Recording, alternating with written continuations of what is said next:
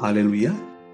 Pendengar yang terkasih dalam Tuhan Yesus di mana pun berada, damai dan sukacita menyertai kita semua.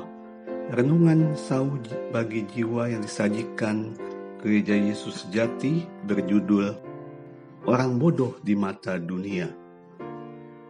Sebab itu tabahkanlah hatimu, saudara-saudara, karena aku percaya kepada Allah bahwa semuanya pasti terjadi sama seperti yang dinyatakan kepadaku.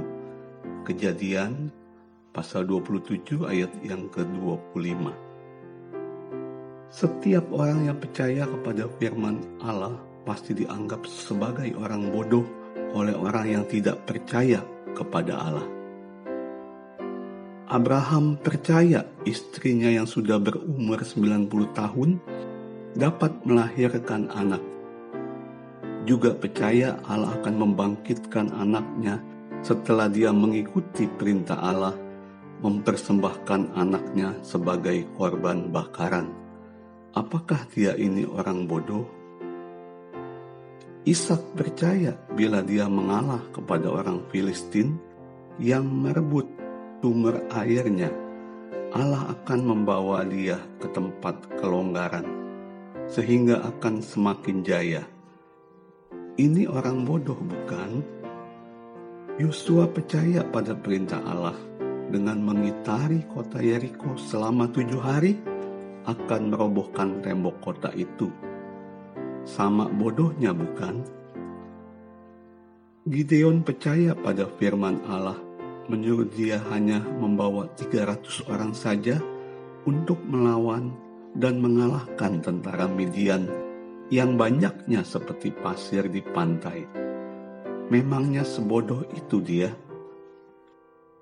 Tiga sahabat Daniel percaya walaupun mereka dilemparkan ke dalam perapian, Allah akan menyelamatkan mereka. Sekalipun tidak, mereka tetap tidak mau menyembah patung emas raja.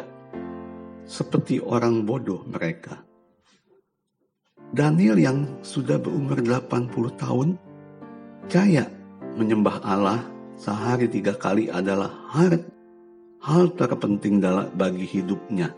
Sekalipun karena sikap ini, dia terancam dilemparkan ke dalam gua singa. Dia tetap bersikukuh melakukannya. Seperti orang bodoh dia. Kemudian Tuhan Yesus turun ke dunia banyak murid-muridnya yang percaya kepadanya, rela mati sebagai martir mempertahankan iman. Seperti orang bodoh mereka.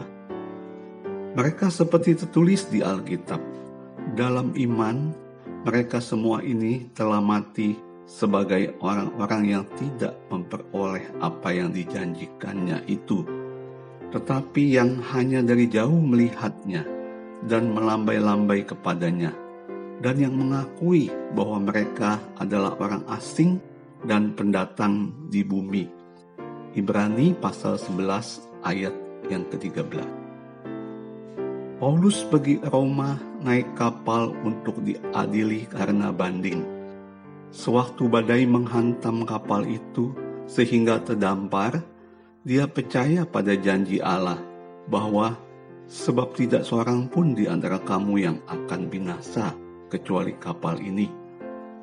Maka dia menghibur semua orang agar tabahkan hati, karena dia percaya semuanya pasti terjadi sama seperti yang dinyatakan Allah kepada dia. Satu lagi orang bodoh, hari ini aku percaya kepada Allah.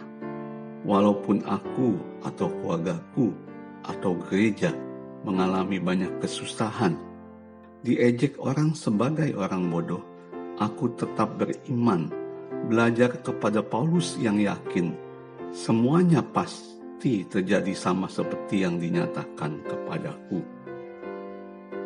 Amsal tertulis, Percayalah kepada Tuhan dengan segenap hatimu, dan janganlah bersandar pada pengertianmu sendiri. Akuilah dia dalam segala lakumu, maka ia akan meluruskan jalanmu. Janganlah engkau menganggap dirimu sendiri bijak, Takutlah akan Tuhan dan jauhilah kejahatan. Amsal pasal 3 ayat 5 sampai dengan 7. Janganlah kita bersandar kepada pengertian diri sendiri.